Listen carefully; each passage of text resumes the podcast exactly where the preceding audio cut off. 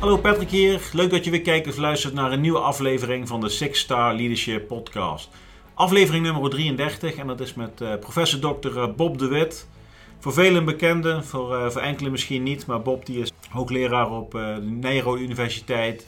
Is auteur van het boek Society 4.0. tevens gesigneerd te koop kun je vinden in de beschrijving van de podcast, het linkje daar naartoe. En Bob is een, is een visionair, is voor mij persoonlijk een kompas. Een helder kompas gebaseerd op wetenschap en feiten en geeft richting.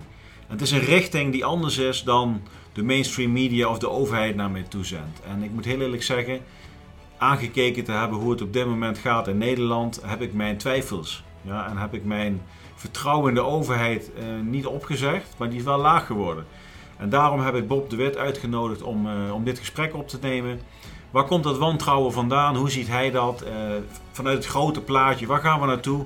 Welke vragen spelen er? En uh, zijn er nog meer grote groepen binnen de maatschappij waar dit speelt? En ehm, nou, wat wij mij dus ook verbazen is dat Bob ook zegt dat er veel mensen bij de politie bij hem aankloppen omdat ze gewoon ja, zich niet prettig voelen bij hoe het gaat.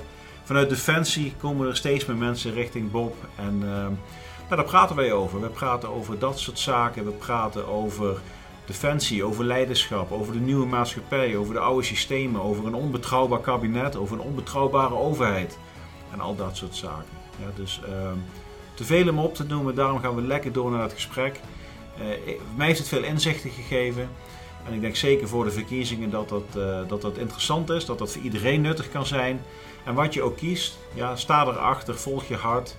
Uh, kies niet altijd de meest veilige route, maar ga een keer van die gebaande paden af. En misschien is dit wel het moment uh, waarin je dat een keertje moet doen, uh, die, het maken van die keuze. Nou, tot zover. Ik wens je veel uh, plezier met het gesprek met Bob de Wit. Vergeet niet te subscriben op het kanaal en we gaan lekker door.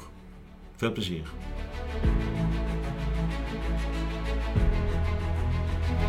Zullen we beginnen, Bob? Ja hoor, ga je. Ja. Leuk. Ik, ik zeg altijd welkom in Haarlem. Dan kijk even naar de kamer, welkom in Haarlem. Dan zeg ik altijd wel bij mooi weer. Behalve vandaag. Behalve vandaag. dus dat, uh, dat, dat, is leuk. Daar hebben we afwisseling, dus dat is altijd goed. Ja, gewoon een leuk gesprek man. Helemaal goed. Ja, en ik heb uh, ook al aangekondigd, we hebben gisteren contact gehad. Uh, gast vandaag is Bob de Wit. voor mij bijzonder, want ik heb twee jaar geleden voor jou een gastcollege gehad op Nijrode.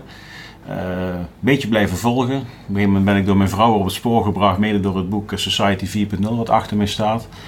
En ik, ik heb wat nou, wat mensen die ik goed ken, die volgen ook de politiek. Nou, op een gegeven moment zag ik ook dat jij daarin wat, wat bewegingen ging maken, wat, wat je voorheen eigenlijk nooit gedaan had. Nee. Uh, denk uh, bewust, daar kom misschien zo meteen wel op terug. En toen dacht ik van, ik ga Bob gewoon een berichtje sturen. Ja. En we gaan een gesprek opnemen over, enerzijds over leiderschap misschien in de Society 4.0. Nou, ja. de defensieachtergrond gooien we op tafel. Ja. En, en alles wat voorbij gaat komen. Ja, ja. Dus het is inderdaad heel leuk om jou uh, weer terug te zien. Ja. En uh, ja, het is inderdaad waar. Ik had uh, 2019. Ja, ik was natuurlijk al een aantal jaren met het onderwerp bezig. dat, uh, ik had in 2017 had ik een oratie gehouden. En dat heette Aan de vooravond van de maatschappelijke revolutie. En dat kwam, dat was eigenlijk het resultaat van onderzoek wat ik had gedaan. Ik ben altijd met de toekomst bezig. begrijpen wat er gebeurt. En ja, eigenlijk een jaar of acht geleden begon ik te beseffen dat al die technologieën veel fundamenteler zijn dan veel mensen denken. Het werd al genoemd. Uh, uh, industrie 2.0, in, industrie 3.0, industrie 4.0. Het is de derde, de vierde revo industriële revolutie. Dat zou betekenen dat we in dezelfde industriële maatschappij zouden blijven. En steeds meer begon ik te beseffen dat volgens mij veel, veel fundamenteler dan dat. En ja, toen heb ik in 2017 een oratie gehouden. Die heet ook aan de voornaam van een maatschappelijke revolutie. dus geen industriële revolutie, maar echt een andere maatschappijvorm. Uh, daar heb ik veel presentaties over gegeven. Nou, nog in 2019 uh, vonden mensen het wel interessant, omdat ik ja, kennelijk wel leuke verhalen vertel. Uh, en mijn verhaal goed gestructureerd is. maar iedereen dacht van ja, het zal wel. Hè? Je zegt het wel, maar ik moet nog zien. Ja, en eigenlijk vanaf, vanaf ja, begin 2020, toen ja, met die intelligente lockdown, hm. dachten mensen dit is een gezondheidscrisis. Ik herkende het meteen als een maatschappelijke crisis, als begin van, van de revolutie. Uh, en toen ben ik veel gaan publiceren. Um, en uh, uh, ook over de mortaliteit. dat klopt helemaal niet met wat de WHO zei. Dat klopt van geen kanten. Um, daardoor ben ik gevraagd in het breakout team. Toen ben ik gevraagd in het regenboogteam. Toen ben ik gevraagd om in het de documentaire COVID-19 System te komen. ja, zo langzamerhand werd ik een beetje bekend. Van Nico Sloot is dat. Van Nico Sloot, ja. En ja, zo werd ik een beetje een, ja, een corona-bekende, zeg maar. maar dat is niet omdat ik dat wilde, maar het is gewoon omdat dat gebeurde. Ja, en, ja. uh, nou, en toen, afgelopen zomer, heb ik mijn boek afgemaakt. Dus daar was ik daarvoor al mee begonnen. En dat heb ik afgemaakt, december gepubliceerd. Ja. Nou ja, en sindsdien uh, ja, is, is er veel aandacht geweest. Het is precies wat je zegt.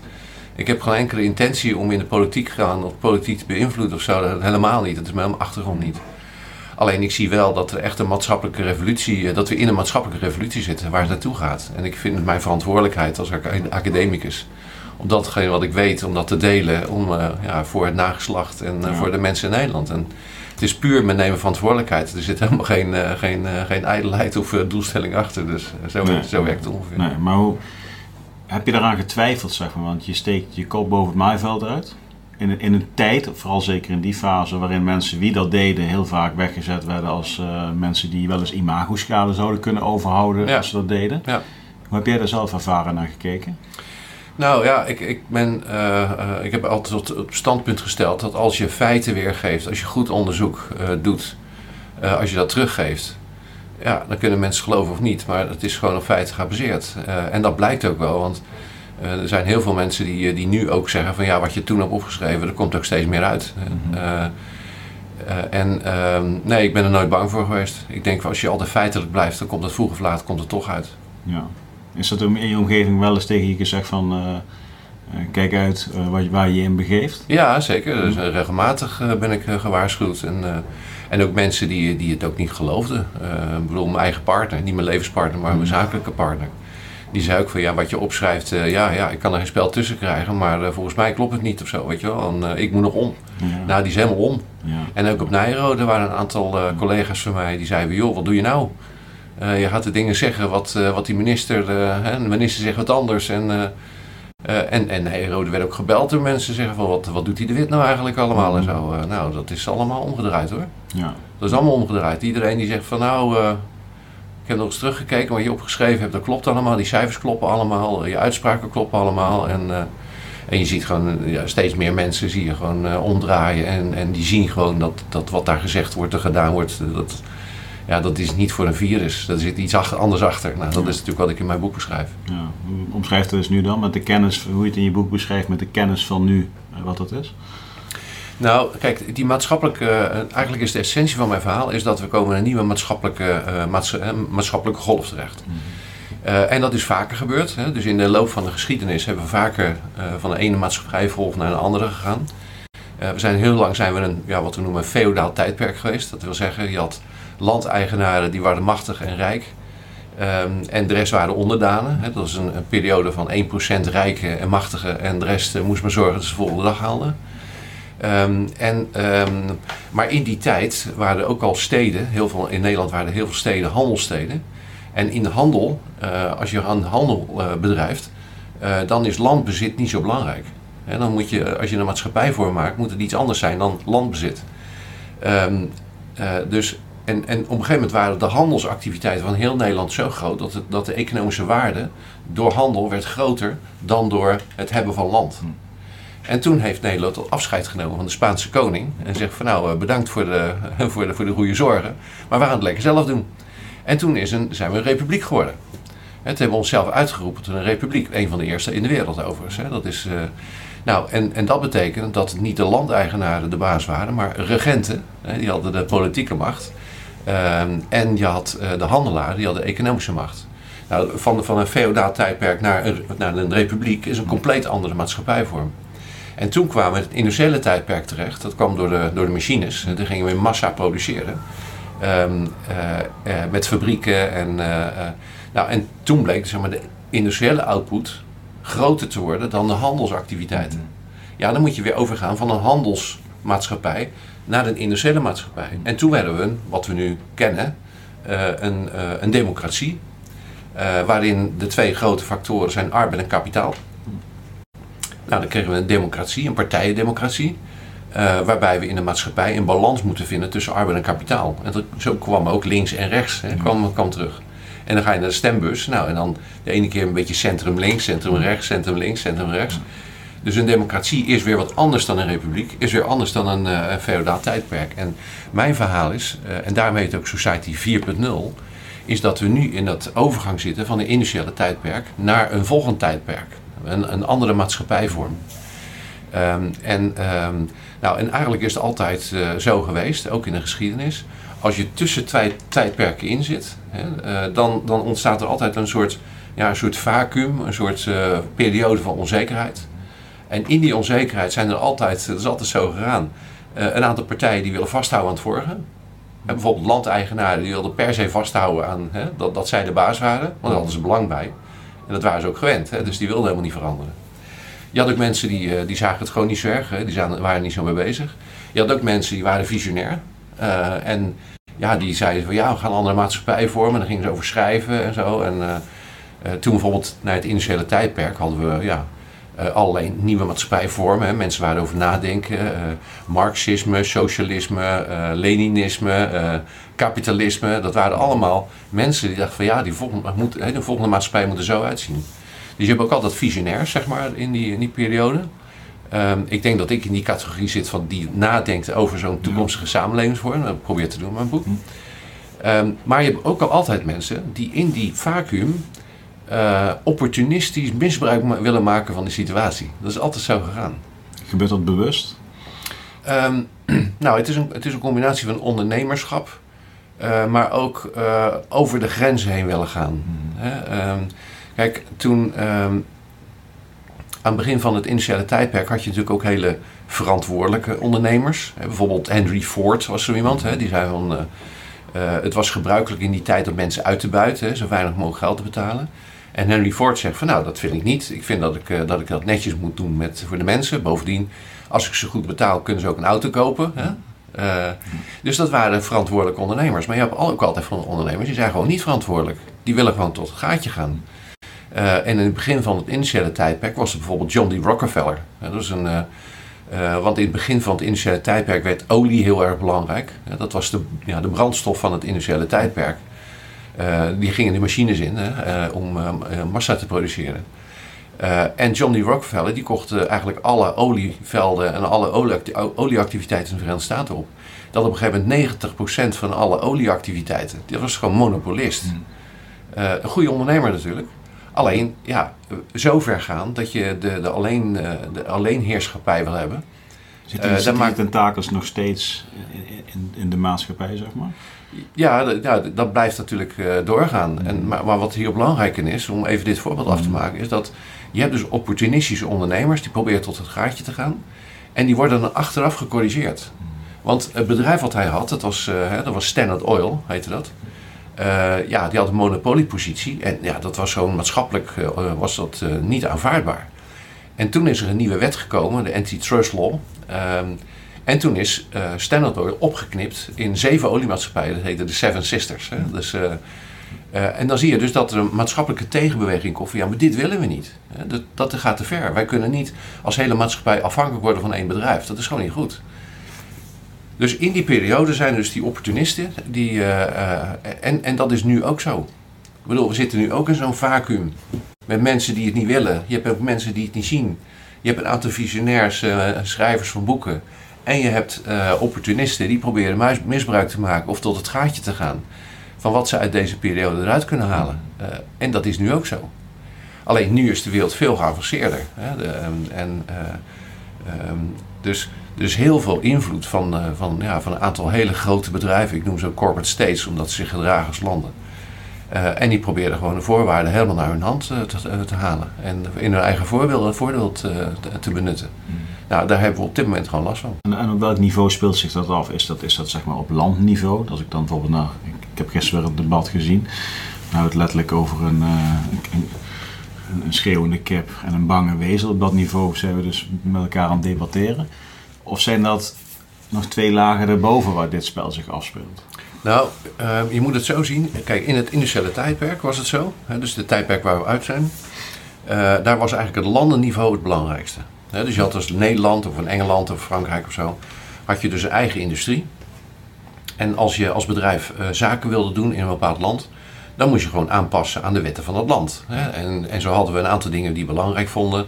Mensen moesten netjes betaald worden, mensen moesten netjes belasting betalen. Ehm, eh, je hebt uh, vrijheid van meningsuiting. En zo waren een aantal dingen die wij in een vrije kapitalistische wereld, materialistische wereld, belangrijk vonden. maar nu is het zo dat er zijn eigenlijk twee dingen aan de hand. Eén is, die bedrijven zijn nu zo groot geworden uh, dat, uh, dat ze zeggen, bijvoorbeeld sommige van die bedrijven, ik noem ze corporate states, omdat zij regels maken, die zijn zo groot, die zijn groter dan Denemarken, groter dan België, groter dan Nederland.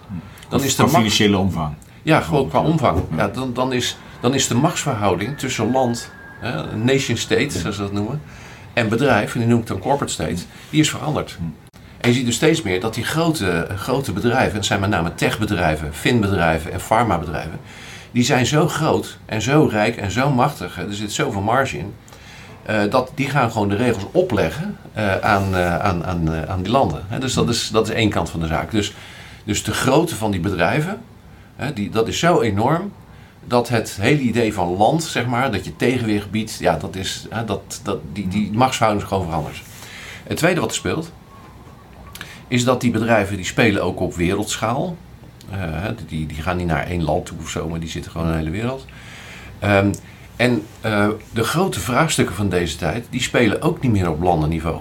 Ik bedoel, als we het hebben over gezondheid, nou, we hebben het gezien met, met dit virus, dat is op wereldschaal, omdat we zoveel vliegen en, en bewegen.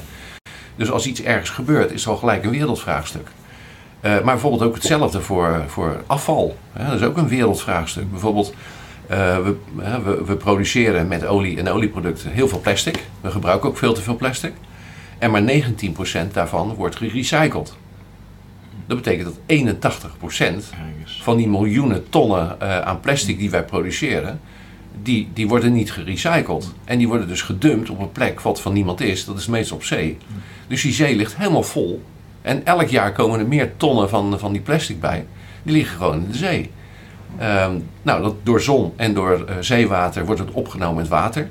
Uh, dan krijg je een plastic soep, zoals ze het noemen. Mm. Nou, die plastic soep die wordt opgegeten door de vissen en wij eten de vissen. Dat zijn vraagstukken die los je in Nederland niet op. Dus je, dan heb je zeg maar, op wereldschaal heb je dingen nodig. Nou, wie doen dat? Dat zijn met name de NGO's, de Non-Governmental Organizations. Dat, dan heb je het over nou, bijvoorbeeld een, een, nou, een World Economic Forum en, en een Wereldgezondheidsorganisatie, WHO. Maar ook internationale agentschappen voor energie en zo. Het aantal NGO's, hè, dus voor het wereldschaal, heb je dus niet de overheid, maar heb je dus NGO's die dat doen. Uh, en het aantal NGO's is toegenomen binnen 100 jaar van 400 naar 40.000. 40.000. Maar die corporate states, dus die grote bedrijven, op wereldschaal, hè, op wereldschaal is het zo. corporate states zijn geen democratieën. Die hebben hun eigen doelen. NGO's zijn ook geen democratieën. En de meeste van die, gelukkig is het zo dat de meeste van die NGO's, daar, daar werken idealisten, mensen die het goed bedoelen. Artsen, uh, Artsen zonder Grenzen is bijvoorbeeld ook een NGO. Bij, bijvoorbeeld, ja. ja. En zo zijn er heel veel hele goede NGO's die prima werk doen. Um, maar het zijn geen democratieën. Dat is een soort via de leden of zo komt dan terug. Uh, een soort feedback systeem. Maar het is niet een feedback systeem van burgers of zo. Dat, dat is een heel indirecte manier. Um, en, um, eh, maar er zijn ook een aantal NGO's en er zit ook geen feedback systeem op. Um, uh, en als dan die twee samenkomen, zeg maar, dat de, de grote macht van NGO's eh, zonder feedback systeem en de grote corporate states zonder feedback systeem. En er komen ook nog een aantal van die caritatieve organisaties bij en rijke individuen bij met hun eigen doelstellingen. Ja, dan, dan is daar geen feedback systeem. En dus op wereldschaal hebben we nog geen regering kunnen vormen.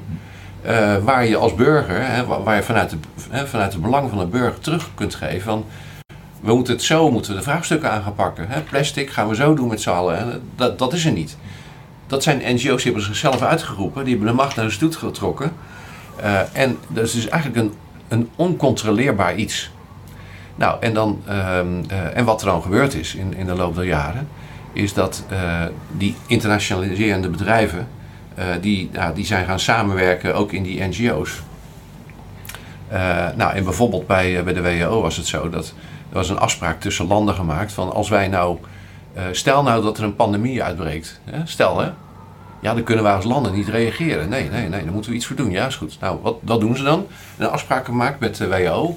Als er nou een echte pandemie is, echt een killervirus, ja, Nou, dan geven de WHO, hè, die, geeft maar, die geven de regie over de wereld om het te gaan oplossen. Nou, wat gebeurde er uh, maart vorig jaar? Een pandemie. WHO die zei, publiceer op de website, ga maar zoeken. Uh, mortaliteit 3,4%. Nou, dat is een A-virus. Dat is een, dat is een killervirus. Ja. ja? Dat hebben ze in, uh, in februari dus gepubliceerd. Nou, toen ben ik gelijk gaan publiceren. Uh, gelijk gaan onderzoeken, wat is dan de mortaliteit? Is dat wel 3,4%? die was geen 3,4%, die is 0,23%. Maar hadden zij dat getal nodig om zeg maar, de lead te krijgen? Ja, want dat is de reden dat zij dus die regie kregen. Uh, en vanaf dat moment waren zij in de, in de lead. Dus hun, dus de, dus hun uh, regels die werden uh, gecommuniceerd naar de verschillende landen. Zo van, dames en heren, we hebben een pandemie, we gaan het zo aanpakken. Nou, en heel veel van de maatregelen kwamen daar vandaan. Maar als je nou kijkt naar de echte mortaliteit, en die heb ik allemaal berekend een jaar lang, dus die weet ik vrij goed die is wereldwijd 0,23 procent. 0,23 procent. In plaats van 3,4 procent. Ja, dat is minder dan 10 procent. Hè? Dat is niet 10 procent verschil, 20 procent verschil. Dat is gewoon, dat is gewoon, dat is ongelooflijk. Weet je wel? Dus dan weet je, daar klopt iets niet. Als, als dit het getal was geweest zoals het in het begin was gecommuniceerd, ja. wat was er dan allemaal niet in gang gezet? Nou, dan was er helemaal niks gebeurd. Dan hadden ze zeggen, nou, dan, kijk, griep is een uh, mortaliteit van 0,19%. En corona 0,23%. Ja, dat is een verschil van 0,04%. Ik bedoel, in principe is dat geen killervirus. had er helemaal niks uh, mogen gebeuren eigenlijk. Dus het is, ja, in jouw termen, het is een beetje een vorm van oorlogsvoering eigenlijk. Hè? Ik bedoel, je gaat een enorme crisis ga je oproepen. die er eigenlijk niet is. overigens, de WHO die heeft ook paar weken geleden toegegeven dat de mortaliteit wereldwijd 0,23% is. Dus dat, dat hebben ze gelijk die 3,4% van de website afgehaald. En dan weet je dat er iets niet klopt. Speelt, dus, speelt zich dat nou ook af met de vaccinaties, met het aantal eh, eventuele doden na een vaccinatie, dat die getallen ook weer, zeg maar... Uh... Nou, ik moet zeggen dat die, die getallen zijn heel moeilijk het is sowieso moeilijk. Kijk, ik, ik, ben, uh, ik probeer wetenschappelijk, als ik cijfers geef, mm -hmm. als ik argumenten geef, als ik dingen zeg, dan moeten ze kloppen. Mm -hmm. Weet je wel? Uh, en het vinden van betrouwbare cijfers was heel lastig. Um, want er wordt gegoocheld met cijfers en er worden dingen met elkaar gehaald en definities gewijs. Het is werkelijk ongelooflijk. Je wordt helemaal stapelgek van. Uh, wat we in Nederland hebben gedaan, en dat is gewoon verreweg de beste manier om, om te berekenen, zo zijn we toen mortaliteit terechtgekomen uh, dat is elke week wordt door het CBS worden de sterftecijfers worden afgegeven. Elke week. Hè. Dus doen ze al nou, heel erg lang. Dus wat wij gedaan hebben, we hebben van 1998, 1995 tot, tot, tot nu, hebben we alle wekelijkse sterftecijfers genomen. En, die, en dan kun je het verschil zien. Um, nou, dan, dan zijn er nog een paar andere dingen dan. Bijvoorbeeld vergrijzing. De, de, de naoorlogse babyboom uh, is nu een bejaardenboom geworden. Uh, en dat betekent dat de bevolkingssamenstelling veranderd is. Nou, dat heet dan normaliseren. Dus dan ga je dat cijfer ga je normaliseren. Ga je voor, bijvoorbeeld voor de vergrijzing corrigeren als het ware. Um, nou, en wat, waar wij dus achter kwamen is 2020.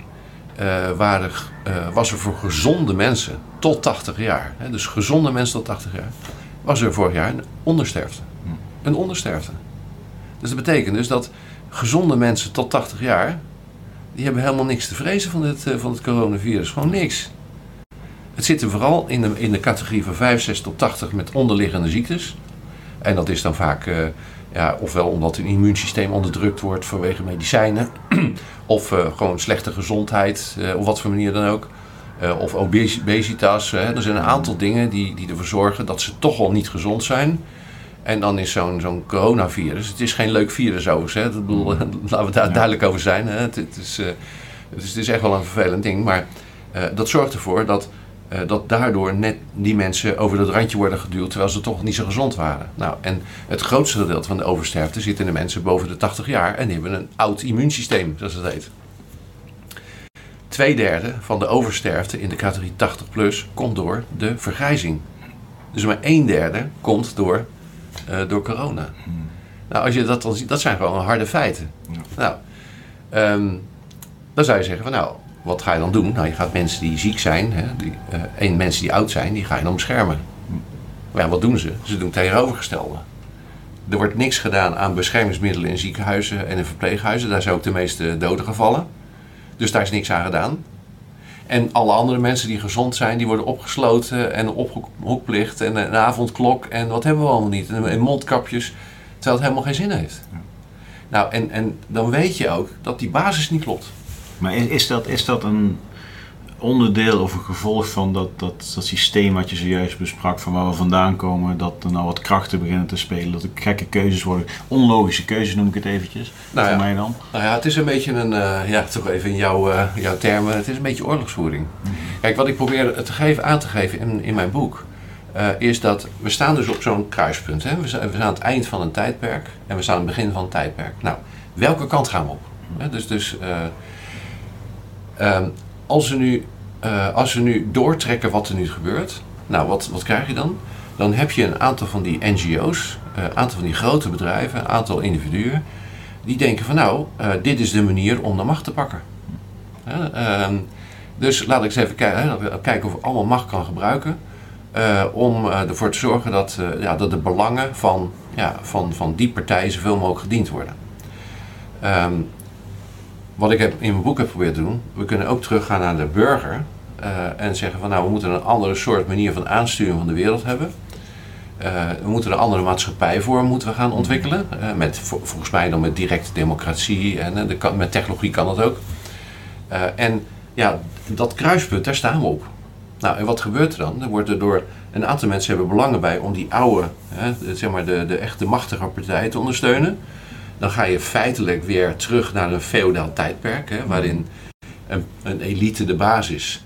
Alleen toen was het op basis van landeigenaarschap, nu is het op basis van technologie hè, en, en, en, en de macht van, uh, van het geld. Uh, ja, en die partij wil zoveel mogelijk zorgen dat dat eerste gebeurt en niet dat de burger worden, uh, dat het niet is voor de, in het belang van de burgers. En laten we niet vergeten dat de, de methodes die die bedrijven hebben ontwikkeld om dit voor elkaar te krijgen, dat is natuurlijk ook al heel lang gaande. Um, het lobbyen in de Tweede Kamer bijvoorbeeld, dat is al heel lang gaande. Uh, dat waren dus altijd zo geweest dat, dat weten we nog met de tabakslobby, of niet, uh, in de Tweede Kamer. Uh, de militaire lobby, het militair industriële complex, hè, die, die, die zijn altijd aan het lobbyen geweest. Um, waardoor politici heel veel informatie kregen die in belang waren van de bedrijven. En steeds minder in het belang van burgers. Hè. Dat, is al, dat is al een tijdje is dat, uh, is dat gaande. Um, uh, nou, en dat is heel erg. Uh, dat is op een heel hoog niveau gekomen. Dus, dus al een tijdje zijn ook deze partijen waar ik het net over heb, al heel lang bezig met ja, beïnvloeden van, van de politieke besluitvormers. Om dat degene te besluiten, op een manier te besluiten. om te zorgen dat bepaalde mensen in bepaalde posities terechtkomen. Ja, en die zijn nu de belangen van de grote partij aan het behartigen. Ja, we staan aan de vooravond van de verkiezingen. Nou ja, dat... wie, wie, wie, zijn dat dan? Je hoort natuurlijk wel eens links en rechts wat namen, maar welke hoek moet je dan denken van nou die, die meneer of mevrouw zit echt op dit moment in de politiek en dient een ander belang? Ja. Misschien niet letterlijk, misschien wel, uh, zoals we nu net bespreken. Ja. Wil je dat ik namen noem? Als jij dat wil. Nou ja, dat doe ik liever niet, nee. uh, als je het niet erg vindt, want dan, uh, dan kom ik dadelijk Um, maar, uh, Als iemand ja. een duimpje naar beneden doet en het is een politici, dan weten we wie het is. ja, ja, ja. nou, kijk, um, je kunt het vrij makkelijk zelf onderzoeken. Uh, dat heb ik ook gedaan. Dus je gaat bij uh, de verschillende bewindspersonen ga je zo even kijken wat, waar de relaties zo liggen, waar de belangen liggen, waar ze zijn geweest en zo. En uh, je kunt ook wat foto's vinden op internet. En dan zie je wel dat er bepaalde belangen zijn. Um, maar als ik even de algemeenheid kijk, dan zijn er toch op dit moment met name uh, uh, VVD, uh, D66 en CDA. die hebben hele hechte, hechte banden met, met een WHO en een, um, en een World Economic Forum en, en, en, dat soort partijen. Die worden, ja, die worden flink gefinancierd ook daarvoor. Um, nou, dan heb je een groot aantal van de partijen die, ja, dat zijn, ja, dat zijn partijen die ja, die staan voor de dieren of zo. Hmm. Hè, dat, uh, en die stemmen mee als ze, ja, als, als ze wat support krijgen voor hun uh, idealen, zeg maar. Uh, um, en dan heb je een aantal partijen die, ja, die, die kiezen echt voor, voor de burgers. Hè. Die zeggen, nou, wij willen niet die elite maatschappij zoals vroeger. Dat willen we niet. Wij willen terug naar de burgers. Nou, en dan kom je dus bij andere partijen terecht. En dat is een beetje de strijd die er echt gaande is op dit moment. Is iedereen zich dat bewust, zeg maar? Nee. Dat hoe belangrijk de verkiezingen Nee. kunnen zijn als je weet dat dit op dit moment gaande is? Nee, wat mij opvalt is dat, eh, eh, ja, dat is ook niet zo raar. Ik bedoel, ik doe hier al acht jaar onderzoek naar. Eh, ik heb een boek over geschreven, dus uiteraard heb ik een voorsprong. Ehm, ik heb wel gemerkt dat sinds maart vorig jaar dat, dat de bewustwording in de maatschappij wel is toegenomen. Dat, dat is me opgevallen. Dat in het begin, als ik dingen publiceerde of zei, dan eh krijg je nog als gefronste wenkbrauwen. Ehm, en wat, eh, wat, wat reacties of zo, dat, dat, dat is wel behoorlijk aan het veranderen de laatste tijd. Ik, heb, ik denk dat dat toch wel steeds duidelijker aan het worden is dat, eh, dat we echt in een overgangsperiode zitten waar, waar echt wel de kaarten geschud gaan worden. Tussen twee, tussen twee maatschappijvormen, ja, daar worden echt kaarten geschud. Weet je wel? Ehm, daar worden echt keuzes gemaakt. Ehm, nou, nou is ja, zeg maar een verkiezing in Nederland nou niet zo heel erg belangrijk, wereldwijd gezien. Hè? Dus je moet ook weer niet overdrijven. Maar voor Nederland eh, is, dat, eh, is dat wel belangrijk. Ja. ja. Kijk, ehm, je, je ziet Wiebere Hagen en Hugo de Jonge. Dat zijn, fascinerende filmpjes. Ja. Ehm, nou, eh, Hagen stelt een vraag. Nou, er komt dan of geen antwoord of, of Ja. er komt een heel verhaal. Ik, ik zag er net nog eentje. ehm, en dan zegt Hugo de Jonge zegt dan van... Ja, er is geen verplichte vaccinatie.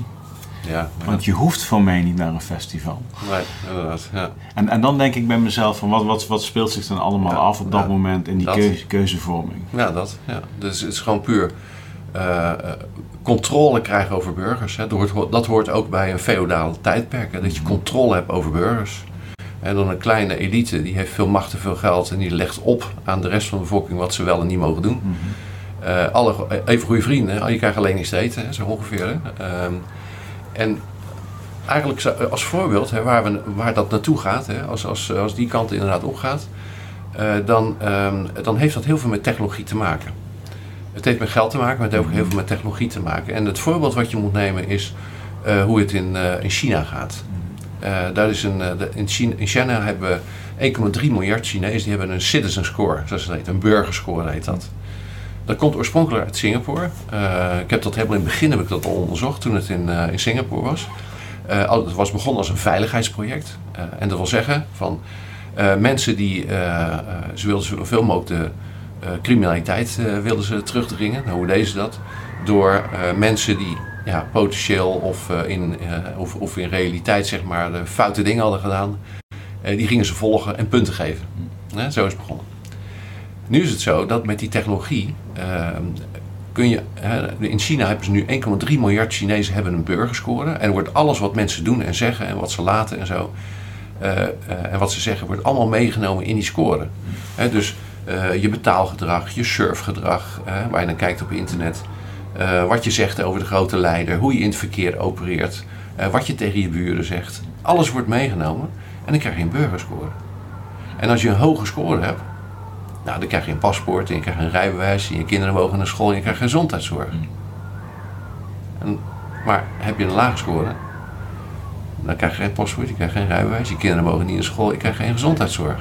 En dan kunnen ze zeggen, even goede vrienden, het is jouw keuze, maar dat is natuurlijk geen echte keuze. Je wil een zeker, hè, het, gaat eigenlijk om, om controle versus vrijheid. Dat is het eigenlijk. Dus kijk, het nadeel van veel vrijheid hebben is dat sommige mensen er misbruik van maken. Dat, dat is natuurlijk zo. Maar het nadeel van controle is, ja, dan, dan, dan is elke vrijheid die, eh, die je hebt, eh, is dan weg. En waar, we, en, en, en waar we dan naartoe gaan, dus met big data en zo is dat. Hè? En waar we natuurlijk nu een beetje naartoe gaan. eh, in China is het in ieder geval de Chinese partij die dat heeft. Ze zijn er ook open over. Je kunt, hè, de Chinezen kunnen ook zien wat hun score is. Hè? Dat Wordt zelfs openbaar gemaakt als je... wordt openbaar gemaakt. Heel veel mensen hebben op hun family website staan wat hun citizen score zijn. Hè? Dus, Kijk mij eens. Kijk mij eens eventjes eh, wat een goede burger ik ben. Ehm, eh, en, en dat wordt hier ook gedaan. Het is eigenlijk een vorm van controle krijgen over burgers. eh, in het belang van, van, die, van die elite, zeg maar. Ehm, en alleen hier wordt het niet ja, gepubliceerd. Je weet niet wie het, wie het doet. Maar ja, we weten ook, als jij op Google zit en op Facebook zit en op Microsoft zit... eh, en, en de overheid is ook niet zo goed met de data. Al die data zijn hier ook bekend. Alleen het is niet officieel gepubliceerd, maar dat is er wel. Ja. En dat merk ik ook wel. Want als ik een aantal dingen publiceer op LinkedIn, dan word ik gevolgd. Ik word ook afgeluisterd nu. Uh, ja, dat weet ik. Maar live. Ja, dit is gewoon live. Nou, laat ze me meeluisteren. Ja. Ik heb niks te verbergen. Dat staat nu op Clubhouse. Ja, maar, ja, ja, weet je, Ja, ja. ja, het zei zo dan toch? het, het zij zo, weet je. Ik, ik- er is helemaal niks wat ik fout doe. Ik ben nog nooit... eh, eh, ik heb nog nooit iets fouts gedaan in mijn leven. Volgens mij eh, zit ik aan de goede kant van de geschiedenis. Eh, en als ze meeluisteren en ze worden er blij van, nou veel plezier verder, weet je Ja. wel. Ik ga me er niet druk over maken. Ja. Ehm, maar je merkt wel, ja, ook bij LinkedIn bijvoorbeeld, dan, als je een bepaalde post zet, dan, dan, dan, nou, dan wordt die verwijderd of onderdrukt of zo. En, en dan zie je gewoon, er klopt iets niet. En, en dat is trouwens interessant, dat ik was een keer van de LinkedIn verwijderd. En toen had ik ze gevraagd voor waarom in godsnaam. Ik heb alleen maar wetenschappelijke studies opgezet. Ik keek een lijstje van eh, dingen die eh, niet mochten. Dat waren allemaal verboden dingen van de WHO. Nou, dan weet je hoe het zit, of niet? Ja, dat is, dat is gratis informatie die je dan krijgt. Ja, dat is gratis informatie. Toen wist ik ook wat, wat zij bedoelden met terms and conditions, weet je wel? Dan moet je tekenen voor, hey, ik, ik pas me aan aan terms and conditions, ja. Maar dat betekent dat ik, dat als ik iets opschrijf wat, wat WHO niet wil horen, eh, dan word ik eraf gegooid.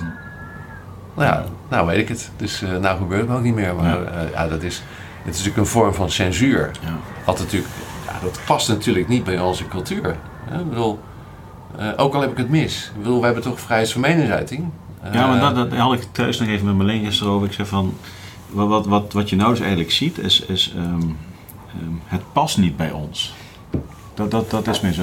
Het past niet bij ons dat er dingen op die manier gecommuniceerd worden met ons. Nee. En, of dat er dingen opgelegd worden met Ja. ons. Ja. En, en dat voelt een beetje zo van, wij zijn altijd, eh, ik geloof in één wereld en iedereen moet je respecteren. Ja. Maar iedereen heeft zijn eigen cultuur. Ja. En dit stukje van de wereld was altijd zo, ja, we deden het samen met z'n allen en we proberen elkaar te begrijpen.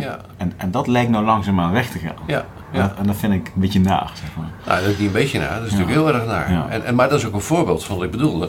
Dat die macht tussen, tussen landen, de nation states en de corp states, is aan het veranderen. Kijk, vroeger was het zo dat zo'n bedrijf die zei van... ik hou niet van vrijheid van meningsuiting. Nou, zij was Nederland, eh, dat is dan jammer voor jou. Maar wij hebben een cultuur en wij vinden dat belangrijk. En eh, zo niet, dan ga je maar ergens anders naartoe. Maar ja, nu is het zo dat die corporate states die zeggen van... nou, wij, eh, wij willen dat je terms and conditions eh, doet. En, en zo niet, dan ga je er maar vanaf. En tot nu toe is het niet zo geweest dat de Nederlandse staat gezegd tegen, tegen LinkedIn van je voor, voor een censuur plaatst en dat is in, in strijd met de wet, daar gaan we er iets aan doen. Overigens interessant is dat in Australië wel hè. In Australië zijn ze nu mee begonnen. hè. Die hebben tegen Facebook gezegd van wat jullie doen, dat mag niet. Je past het maar aan. Je pas je maar aan en anders dan gaan we je opknippen. Hè, of je, dus je ziet al die strijd, hè? je ziet al die strijd ontstaan tussen die, tussen die bedrijven en, en bepaalde landen. Nou, en, eh, en bepaalde landen zijn groot genoeg. Hè? Amerika is groot genoeg, China is groot genoeg. Nou, eh, eh, Australië is in ieder geval moedig genoeg. Nog niet groot genoeg, maar wel moedig genoeg. Maar hier in Nederland zeggen we daar niks van. Dat is toch ongelooflijk? Ik bedoel, als wij in Nederland hebben toch een cultuur van vrijheid en vrijheid van meningsuiting. En er is helemaal niemand van de overheid zit die tegen die bedrijven zegt van dames en heren, dat kan helemaal niet. Dat zeggen ze niet. Nee. En, en als er iemand zegt van ja, maar je hoeft er geen gebruik van te maken. Ja, maar ja, kijk, ehm, eh, kijk die, een aantal van die, met name, als je even met name kijkt naar de social platforms, hè, dus de sociale eh, eh, social media, dat is toch een vorm van onze sociale infrastructuur. Hè, dat, dat, is, dat, dat, dat hoort erbij. Hè. Dat, dat is, dus ze hebben, een, eh, ze hebben van ons, hè, ze hebben van, van de burgers, eh, hebben ze de mogelijkheid gekregen om daar geld mee te verdienen. Door zo'n platform neer te zetten.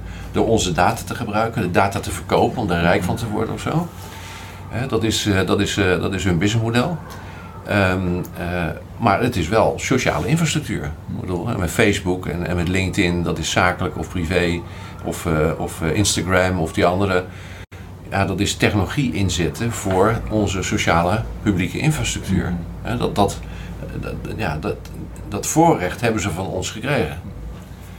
En nu gaan ze dat gebruiken om, eigen, om, om, om de regels op te gaan leggen. En dan zeggen we, nou die vrijheid, eh, donder maar op. Eh, Censuur, eh, dat is wat wij willen, want je mag alleen maar zeggen wat wij willen horen.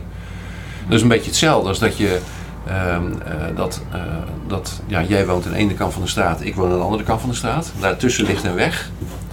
Eh, en die weg is eigendom van een, van, een, van, een, van een bedrijf. En als ik naar jou toe ga, hè, moet ik de weg oversteken, dan moet ik eerst toestemming vragen. Ja, en daar moet ik voor betalen. En dan gaan zij bepalen wat wij moeten gaan bespreken.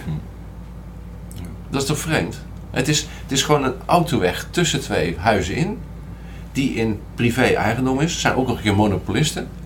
En die leggen op hoe wij ons moeten gaan gedragen. Maar gebeurt het langzaam aan? Dat zeg maar eerst wordt die weggebouwd en dan vinden we het allemaal prima, want dat is dan luxe, dat is fijn. En daarna wordt er een stoplicht neergezet en Ja. dan mag je nog gratis doorlopen. Ja. Nou, op een gegeven moment snappen we dat we iets moeten gaan betalen. Ja, En op een gegeven moment zeggen ze van, nou, je mag er pas doorheen als. En we zitten, Ja. die stapjes valt, valt de mens vaak niet meer op. Nee, nee, zo is het ook. Eh, en, maar op een gegeven moment gaat het natuurlijk wel opvallen. En dan heb ik het voorbeeld van, van die olie, weet je nog? Dat was vroeger was het ook zo. Hè? De olie was infrastructuur, dat was de, de basis, zeg maar, de grondstof van het industriële tijdperk. Dat werd geëxploiteerd door, ja, door Standard Oil. Eh, totdat mensen zeggen, ja, wat je nou doet, je gaat echt over de grens heen. Dat, jullie zijn opportunisten, dat mag helemaal niet. Toen zijn ze opgeknipt in, in zeven oliemaatschappijen. Dat was een correctie, zeg maar, een, maatschappelijke correctie eh, op eh, ja, het opportunistische gebruik van, eh, van, van, van Standard Oil. Die situatie zit er gewoon weer in. Dit zijn we gewoon weer opportunisten die over de grens heen gaan, het maximale eruit halen, maximale controle, maximale winst willen halen. En het is gewoon wachten tot, of misschien wel wachten of een maatschappelijke tegenreactie gaat komen. Nou, je ziet in de Tweede Kamer dat een aantal die doen dat niet. Hè, dus VVD die, ja, die ja, wel, wel de, het MKB slopen, hè? eh, eh, wel kinderen van school afhouden, maar ja, die grote bedrijven zoals Amazon en zo, die hebben vrij spel. Die, hè, die, dat zijn eigenlijk dienaren van, van die grote corporate bedrijven. Hetzelfde voor D66, misschien nog wel meer zelfs. Eh, en CDA ook. Dus dat zijn partijen die, die gaan opportunistisch mee met het machtsspel van die grote bedrijven. Hebben ze, hebben ze gebruik gemaakt of misbruik, net wat je zegt, van het vertrouwen dat ze hadden vanuit de grondbeginselen van de partijen. We hebben, het over, eh, we hebben Democraten D66, ondernemersgeest VVD, CDA vanuit het geloof. Dat ze dat helemaal aan het loslaten zijn eigenlijk. Nou, eh, nou met D66 zo, sowieso. Ik denk als Hans van Mierlo eh, er nog was geweest, die had zich omgedraaid in zijn, eh, waar hij ook lag hoor. Want dat is, eh, dat is zo tegen, tegen, tegengesteld aan alles waar D66 voor staat. Het is echt ongelooflijk wat een, eh, wat, een, wat een verandering ze hebben doorgemaakt. Ehm, voor VVD geldt het ook wel. Alleen, kijk, VVD stond altijd voor, hè, dat waren liberalen, die stonden voor ondernemerschap. Ja, ze staan in ieder geval niet voor ondernemerschap van lokale ondernemers meer. Hè. Zij kiezen voor het ondernemerschap van grote ondernemers. Hè. Dus dat is een, een, een scha- ze hebben daarvoor gekozen. En eh, CDA, eh, ja, dat, dat ligt wat ingewikkelder, denk ik. Ehm, eh, omdat, ehm, eh, ik, ik denk, weet ik niet, want ik ken die partij niet zo goed, maar wat, wat ik wel hoor van mensen is dat er ook wel behoorlijk wat, eh, wat, wat ge- geroezemoes is. Omdat de keuze die de ministers nu maken, ehm, ja, dat wordt niet altijd e- even goed ontvangen. Want er zitten natuurlijk ook echt hele grote namen binnen het CDA nog steeds. En hele goede mensen ook. Eh, en eh, dat, ja, dus, ik, ja, dus ik denk dat er best wel wat, eh, wat discussie daar plaatsvindt. Ja. ja. Maar het zijn, kijk, politici die kiezen vaak voor de macht. Hè, daarom worden ze wel politicus. Nou, dan zien ze waar de macht zit en waar het geld zit. En dan kiezen ze voor opportunistisch. Ehm, ja. Ja. En mensen die voor opportunistisch voor geld en macht kiezen, die worden doorgaans wat dunnetjes op de normen en waarden. Hè, mag ik zo formuleren? Ja. Als je kijkt naar Defensie, Bob. Je, je hebt corporate states, nou, daaronder heb je dan landen. Eh, er zitten geldstromen tussen, technologie. En dan hebben wij eh, in Nederland discussies over dat de Nederlandse militairen nieuwe pakken moeten krijgen, want er was bezuinigd, et cetera. En ik vind ook dat er beter materieel moet komen en geïnvesteerd moet gaan worden. Maar als je dan weet wat er allemaal afspeelt, wat, is, wat voor een klein spelletje, radertje zijn we dan in een veel groter geheel? Hoe, Mhm. hoe kijk jij vanuit dat perspectief ernaar? Ehm, nou, ik denk dat, dat we eh, ons niet goed voorbereiden op de goede oorlog. We bereiden ons voor op de verkeerde oorlog. Eh, eh, kijk, eh, ik denk, ik, de kans dat de Duitsers nog een keer binnenkomen met tanks en vliegtuigen is niet zo groot. D- ik denk dat die oorlog anders wordt. Ik denk dat meer een... een, een Denk hem hun binnenvallen. nee, ook, nee, ook niet. Maar ik denk dat het een ander soort oorlog is. En het gaat ook niet meer over Duitsland trouwens. Ehm, het, is een, eh, het, is een, het gaat over ehm, cyber, cybercrime. Gaat het, over. het gaat over eh, het, het manipuleren eh, van mensen met, eh, met data, met informatie, met het hacken. eh, ehm, en, en ik denk ook voor een groot gedeelte dat, ja, dat, je, dat je ook met gezondheid een, een oorlog kan, kan uitvoeren. Dus ik denk dat we gewoon een hele andere oorlog zitten. Daar zijn we niet op voorbereid. We zijn ook niet voorbereid op de schaal waarin dit plaatsvindt. hè. Hiervoor was het zo dat één land, die valt andere landen binnen. Hè? Zo ging het toch? Hè? Dat, het, was er een, het was een strijd tussen landen. Ja, ook, ook hier, dit is geen strijd tussen landen. Dit is een, dit is een strijd op wereldniveau. Ehm, en daar zijn we ook niet op voorbereid. Dat, eh, dat, dat hebben we niet. En eh, het is overigens wel interessant om te weten, eh, voor- is dat er zijn in Nederland in toenemende mate mensen die zich zo langzamerhand zien wat er speelt. Mensen worden toch onrustig. Eh, dus een paar dingen hebben echt wel een, heel veel mensen wakker gemaakt. Dat is dat eh, kinderen niet naar school mochten, terwijl ze nul risico lopen. Dat is, eh, ehm, dat is slecht voor de ontwikkeling van kinderen. Dat vind ik toch, ja, vind ik toch heel, heel, heel naar. Vinden, vinden ouders ook heel naar. Ehm, Ik wil één ding over inhaken. Mijn, mijn, mijn middelste, die zegt corona is op school, niet thuis. nee, nee. Thuis is geen corona. Nee. Nee, dat is, ja, maar ook als je de maatregelen kijkt, dat is zo inconsequent en zo dom. Dat is echt werkelijk onvoorstelbaar. Terwijl deze school het zo goed mogelijk probeert te doen. Ja, maar dat is, dat is, dus dat is heel raar. Eh, dus die, die scholen slaat helemaal nergens op. Hebben mensen last van. Die avondklok slaat ook echt helemaal nergens op. Dat is geen enkele wetenschappelijke basis voor. Eh, drankenwinkels mogen open, maar sport, eh, hè, hoe heet die ook weer, die sportwinkels, hoe heet het ook weer, die, eh, die workouts, eh, hoe heet het nou? Basic fit of zo. Ja, dat soort dingen, die moeten dicht. Ja, fitnesscentra. Ja, hoe moet je dat nou uitleggen? Weet je wel, dat, dat, dat, dat bedoelt, dus dit is echt een kwestie van sociale controle krijgen. Dit heeft niks te maken met een virus, dit is echt sociale controle krijgen. Ehm, en dus in toenemende mate zijn mensen toch wel erg onrustig daarover. Steeds minder mensen staan er ook achter. Ehm, en ja, gek genoeg, eh, ook weer zo'n zo'n ja, zo'n zo'n onverwachte en ook onbedoeld effect wat er is gebeurd. Is dat heel veel mensen die willen zich gaan uitspreken, maar die kunnen zich niet uitspreken Mhm. vanwege hun positie. Zo zijn er bijvoorbeeld heel veel mensen van de politie die kunnen zich niet meer verenigen met de doelstellingen van, eh, van het kabinet. Die zeggen van ik heb gewoon gewetensbezwaren. Ik bedoel, ik ben politieman geworden om het burgers te beschermen en nu moet ik dingen tegen de burgers gaan doen. Nou, een aantal van de politie die gaan gewoon door. Hè. Die, eh, die, die, die zijn plichtsgetrouw en, en die beuken erop los. En daar hebben we al even filmpjes van gezien, eh, dacht ik. Eh, dan heb je 25% ongeveer, die hebben nu echt problemen mee. En 50%, nou ja, net als in de bevolking, hè, die, eh, die, die volgt het wel en denkt van het zal wel. Eh, maar die groep van, eh, van politie is vrij groot. En ook van mensen van het leger, die hebben al contact met me opgenomen. Ja. Gewoon, ja, je bent zelf militair geweest. Eh, eh, ook op buitenlandse missies. Ja, je doet dat natuurlijk ja, om, om, je, om je land te dienen, om, om die burgers te dienen. En dan moet je dingen gaan doen wat niet het belang is van je burgers. Dan moet je eigenlijk tegen je burger gaan optreden. Ja, dan gaan gewoon mensen die gaan er problemen mee krijgen. Dat, dat, dat, dat, dat krijg ik steeds meer. Ja, ik had ook een vraag gekregen over zeg maar, het verplicht vaccineren. Ik, ik, weet nog dat ik, eh, kijk, verplicht vaccineren komt niet, indirect vaccineren wel. Maar goed, dat is een ander topic voor de burgers, zeg maar. Nou, ik kan, ik kan er vergif op innemen dat bij Defensie straks verplicht gevaccineerd moet gaan worden in missiebelang, landsbelang. Eh, hoe kijk je er tegenaan? Want dat is ook een onderdeel van het hele een radertje dan, wat weer in beweging wordt gezet. Nou, kijk, eh, op, ja, ja, dan wordt al heel snel een heel medisch verhaal. Maar het eerste is, en dan moet je realiseren, wat ik net al zei. Gezonde mensen tot 80 jaar hebben niks te vrezen van het coronavirus. Punt. Dus waarom zou je gezonde militairen moeten vaccineren? Waarom zou je het moeten doen? Dit is natuurlijk een doorgesla eh, doorgeslagen kapitalisme. Eh, ja, het, het gaat om een kleine groep bevolking die beschermd moeten worden. En dan moet de hele bevolking gevaccineerd gaan worden. En die is niet één prik, maar wel twee prikken, drie prikken. Dan moeten ze getest worden, nog een keer getest worden, en nog een keer hertest worden en zo. Eh, en, en dat kost gewoon miljarden. Eh, dus dat is een, enerzijds is gewoon een kapitalistisch feestje. Eh, die hun macht gebruiken om daar nog zoveel mogelijk geld eh, aan te verdienen. Dat is de ene kant van de zaak. En de andere kant van de zaak, ehm, met name die RNA-vaccins, hè, bepaalde vaccins, eh, die zijn nog niet getest.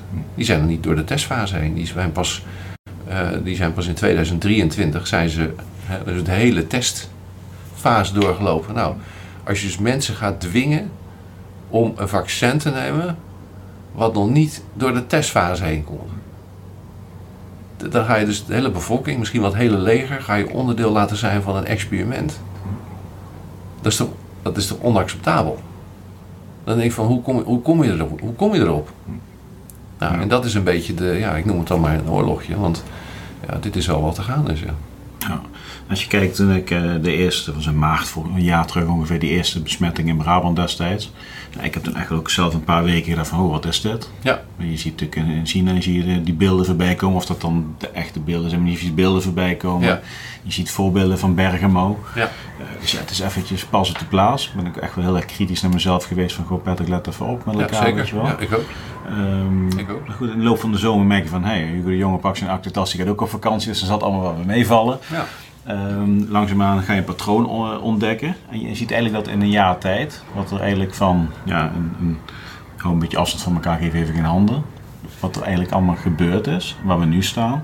Als je die lijn nog een jaar doortrekt op deze manier, met de Mhm. kennis van China, met het systeem. Dan word ik nu een conspiracy thinker genoeg misschien wel. Maar dan kunnen er dingen ontstaan eh, waar je niet naartoe moet willen, denk ik. Ja. Nou ja, ik, ik ga dan toch weer terug naar de geschiedenis. Het is altijd zo geweest dat tussen twee periodes, hè, van de ene maatschappijvorm naar de andere vorm, Mhm. is het altijd onrustig geweest. En, en een oude vorm gaat niet zomaar weg.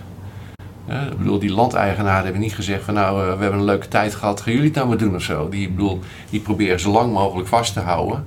Totdat er een revolutie komt van de bevolking, zo'n opstand. Zeggen van nou, wij willen dat gewoon niet meer. Jullie tijd is gewoon voorbij, we gaan het anders doen. Mhm. Ja, dat gaat altijd met wat clashes eh, gaat het gepaard. Dat is altijd zo gegaan. Eh, en ehm, eh, en ehm, ja, en, en we moeten naar een andere maatschappijvorm toe. We worden gedwongen naar een bepaalde, een bepaalde hè, maatschappijvorm toe te gaan.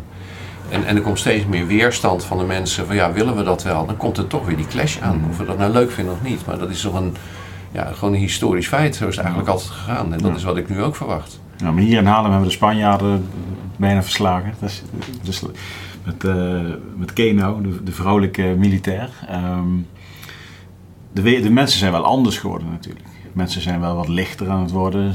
Meer vanuit liefde en compassie. En natuurlijk Ja. van tevoren gehad, we gaan van een derde dimensie naar een vijfde dimensie toe. Ja. Volgens de sterren en de astrologie. Ja, Betekent dat daar ook beweging is? Ja, misschien is dit wel een onderdeel van die beweging wat op dit moment speelt. Moet dat met een clash gaan of kan dat ook op een andere manier?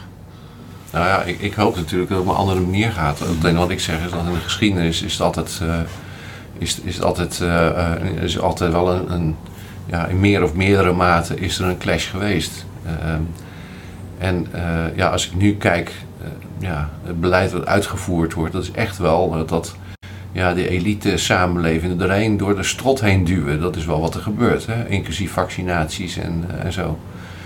Ehm, ja, in hoeverre gaat dat liefdevol? hè? Ehm, nou ja, ik heb wat, ja, wat, ja, wat, wat bijeenkomsten gezien in Amsterdam en in Den Haag. Hè, met allemaal die mensen waren heel vriendelijk en liefdevol en eh, met bloemetjes en eh, misschien hebben ze ook wel gezien. Ja, en die werden dan door de politie eh, gewoon in elkaar geramd. Dat, ja, dan, dat is natuurlijk ook een clash tussen mensen die zeggen: "Joh, luister eens even, wat wij willen is alleen maar een liefdevol maatschappij. Ehm, eh, wij hoeven geen bezit, wij hoeven geen macht, wij, we hoeven geen geld. Wij willen alleen maar een mooi leven hebben met z'n allen en, en gelukkig zijn. Ja, en, en die oude macht, die, eh, of die andere macht, die, die hakt er dan toch weer op in. Dus ja, ik, ik hoop maar dat, dat, dat we de mogelijkheid krijgen om een, eh, om, een, ja, om, een, om een burgermaatschappij te maken waar het gaat om de echte dingen in het leven. Hè, wat, wat zijn nou de echte dingen in het leven? Kijk naar je eigen leven. Eh, je hebt je vrienden, je hebt je vriendin of je vrouw, ik weet niet wat, wat het is. Vrouw, ja. Misschien hebben we wel kinderen. Je, ja, ik bedoel, dat, dat is toch het belangrijkste. Dat, dat, je, dat je op die manier, manier omgaat. En dat is, dat, ja, en dat is heel. Je moet er bijna voor vechten om, hè, om, om in vrijheid en liefde te kunnen leven. Mm. Maar dat is wel eh, wat, wat er nu gaande is. Ja. Is, is er ook een mogelijkheid voor een grote groep om zich los te weken van het systeem waar ze misschien in zitten? Ja, je ziet dat, eh, eh, dat klopt. Ja. Je ziet dus een aantal, ehm, eh, aantal groepen die zeggen van nou, ik geloof niet meer in het systeem, ik ga het helemaal zelf doen. Eh, ehm, eh, nou, eh, in, in de Verenigde Staten heb je een aantal hè, die, eh, die, die zeggen van nou, ik, ik, ik, keer me af daarvan, Eh, ik ga helemaal terug. Ik ga alles zelf organiseren. Ehm, ik, ga mijn eigen kinderen ga ik lesgeven. Ik zorg zelf voor gezondheidszorg, voor, voor het maken van eten en zo. Die gaan ze echt helemaal eh, los, eh, loskoppelen van de samenleving. Die, die zeggen ik geloof er niet meer in. Ehm, nou, dat, dat, dat is wel heel ver, maar het is ook zo dat in onze samenleving, die technologieën maken er ook voor, uh, dat, ehm, dat je kunt met die technologieën eigenlijk alles kleinschalig produceren. dus de nieuwe schaal is de regio. Niet meer het land, maar de regio. Um, om een voorbeeld te geven. In het initiale tijdperk gingen we alles in massa produceren. Dus schoenen, kleding, maar bijvoorbeeld ook energie. En dus je had hier een hele grote energiecentrale. Dan waren de kabels, die kwamen bij jou thuis en dan moest je betalen. Dus was dus de productie en consumptie was van elkaar gescheiden. De stand van de technologie nu zo, met, met blockchain-technologie, met, uh, met duurzame energieopwekking, met, met robotisering. heel veel technologie maakt het mogelijk dat alles wat je nodig hebt als mens om gelukkig te zijn en om te kunnen leven, kan in principe met die technologie kleinschalig geproduceerd worden. Dus eten, drinken en energie kun je in principe voor het groot gedeelte decentraal gaan produceren. Nou ja, en, en, en, vrienden en familie sowieso regionaal decentraal. Dus het heeft de mogelijkheid om als regio helemaal los te koppelen van het systeem. Blockchain heeft bovendien nog een keer het voordeel dat het niet alleen een infrastructuur is, een informatieinfrastructuur, maar je kunt er ook een lokale munt op zetten. Dan maak je dus, er zijn al, geloof 300 lokale munten. Dan, uh, een cryptocurrency heet dat. En we kennen allemaal de bitcoin, hè, maar dat is dan bedoeld als een alternatief voor de euro en, uh, en, uh, en de dollar. dus dus als groot neerzet. Maar je kunt het heel decentraal. kun je gewoon in een wijk bijvoorbeeld, als je allemaal aansluit dezelfde blockchain, dat is gewoon een stukje software waar je informatie op zet. Daar kun je gewoon een eigen lokale munt op zetten. En zeggen we nou, we gaan voortaan gaan we ruilen in, in lokale munten. En lokale munt kan bijvoorbeeld een half uur zijn bijvoorbeeld. En dan ga je de hond uitlaten en dan krijg je één, uh, nou ja, noem maar even een zuiderling of hoe noemen ze allemaal. of het, een heitje heet ze ook geloof ik. Ze hebben allerlei leuke namen. Nou, en die kun je weer inwisselen dat, dat iemand op, op jouw oma gaat passen bijvoorbeeld. Dus dan maak je een lokale economie met een soort ruil hè, voor, voor in uren, zeg maar. Uh, en uh, zo kan je ook een lokale economie maken. Ja. Dus de technologie heeft het in, in zich om een, een, een, een, ja, een regionale economie te maken. Ja. En dan ben je wel meteen weer een gevaar voor de gesettelde orde. Ja, die willen dat niet, want die willen dat. Uh, maar bijvoorbeeld ook ehm, lokale winkeliers, hè? dus gewoon je eigen economie gaan maken. Ja. een, van de, een van de dingen, je hebt gezien wat er op de beurs is gebeurd. Dat je mag, de winkels zijn dicht. Wat is het gevolg? Je moet alles kopen online. Ja, dan komen we weer bij die Amazon en die grote bedrijven terecht, weet je wel? Wat voor mij ook een beetje de bedoeling was, eerlijk gezegd. Uh, dus wij moeten dan met z'n allen zeggen, want dat willen we niet. Wij burgers willen dit niet. Hm. Wij gaan het weer zelf doen. Um, en bijvoorbeeld ook, uh, je hebt ook, uh, ik ben Rotterdammer zoals je weet. Je kunt ook stad, city farms maken, stadsboerderijen. je kunt met die technologieën kun je gewoon in, in een lokale regio kun je zelf gaan maken. Of in een grote regio neem je boeren. Hm. En nu gaat zo, die boeren maken wat. Die, er wordt hè, hun oogst opgekocht en, en, uh, en die komt dan bij supermarkten enzovoort. Maar tegenwoordig kun je die technologie ook voor zorgen dat uh, ja, met z'n allen, hè, met z'n allen ga je dan uh, zo'n boer en dan maak je afspraken. Ja. En dan koop je direct van die boer. Dan krijgt die boer meer geld en jij betaalt minder. Ja. Dus, je kunt, dus je kunt die hele economie kun je anders gaan inrichten. Dat heeft, die technologie heeft het allemaal in zich. Ja, dus ik zag in, op Discovery was een serie over, geval ging over New York was op een aantal van die skyscrapers hadden ze dus een, een farm gemaakt. Ja, en die farm die zorgde voor het voedsel binnen die skyscraper. Exact. Fantastisch. Ja, ja nou dat. Ja. ja. en dan los je problemen op met vervuiling, met vervoer, met, je hebt vers, je hebt geen plastic nodig. Zo is het. Ja, zo is het precies. Dus dat heeft... Alleen de Walmart vindt het niet fijn natuurlijk. Nee, de Walmart vindt het niet fijn. En dan krijgen we weer die strijd tussen die burgers, de burgerbelangen, en weer die grote corporate states. Dat, dat komt iedere keer terug. dus wordt het grootschaligheid. En wordt iedereen afhankelijk gemaakt van die grote bedrijven. Uh, zowel pharma, maar ook supermarkten inderdaad en Walmart en zo. Uh, dat is de ene kant. Of zeggen we nee, we gaan het, we gaan het weer samen doen. We hebben weer een burgermaatschappij. We gaan al die technologieën gebruiken om de, het geluk van de burgers uh, te sturen. Om alle levensbehoeften daarvoor te organiseren. een regionale economie te maken. We pakken 50 bij 50 kilometer, even om een idee te geven. dat kan namelijk met technologie.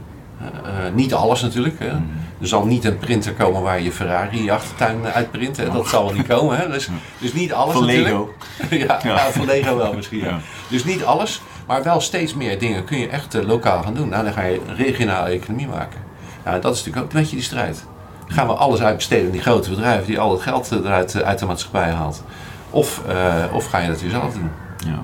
En, en, als je nou kijkt naar de verandering die er is, die, die, die, is al bezig. Dus er is eigenlijk altijd verandering, maar we zijn echt wel op een tipping point nu. Ja. Ehm, moet je naar de chaos kijken en daar het verschil willen maken? Of moet je juist zeggen van nee, ik zoek mensen op die net als mij naar een ander in het leven kijken. Die wel naar het tuintje gaan onderzoeken of dat kan. En hoe, hoe, hoe, hoe zie jij dat? Nou ja, um, nou, er wordt veel over de chaos gepraat namelijk. Ja, maar dat is natuurlijk ook zo. je zit in een periode waar je van de ene maatschappijvorm en een bepaalde structuur naar een nieuwe structuur gaat. En daartussen zit chaos.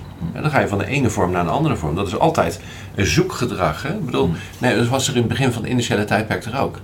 En we moesten naar een ander tijdperk toe, hè, voor, voor machines en industriële productie. Ja, toen was er ook Leninisme, socialisme, eh, kapitalisme. Er waren toch ook allemaal men was aan het nadenken, wat is nou eigenlijk de goede vorm? Nou, dat is een periode van chaos. Dat, dat, is altijd zo. Je hebt hier structuren, die moeten oplossen.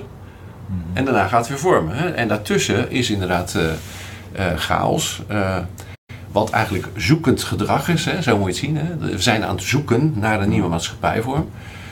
en voor heel veel mensen voelt dat ja, niet fijn. Hè? Heel veel mensen die die hebben graag, uh, zeker mensen in het leger, hè, mm-hmm. heel veel mensen die kiezen voor het leger vanwege de helderheid, de structuren die er zijn.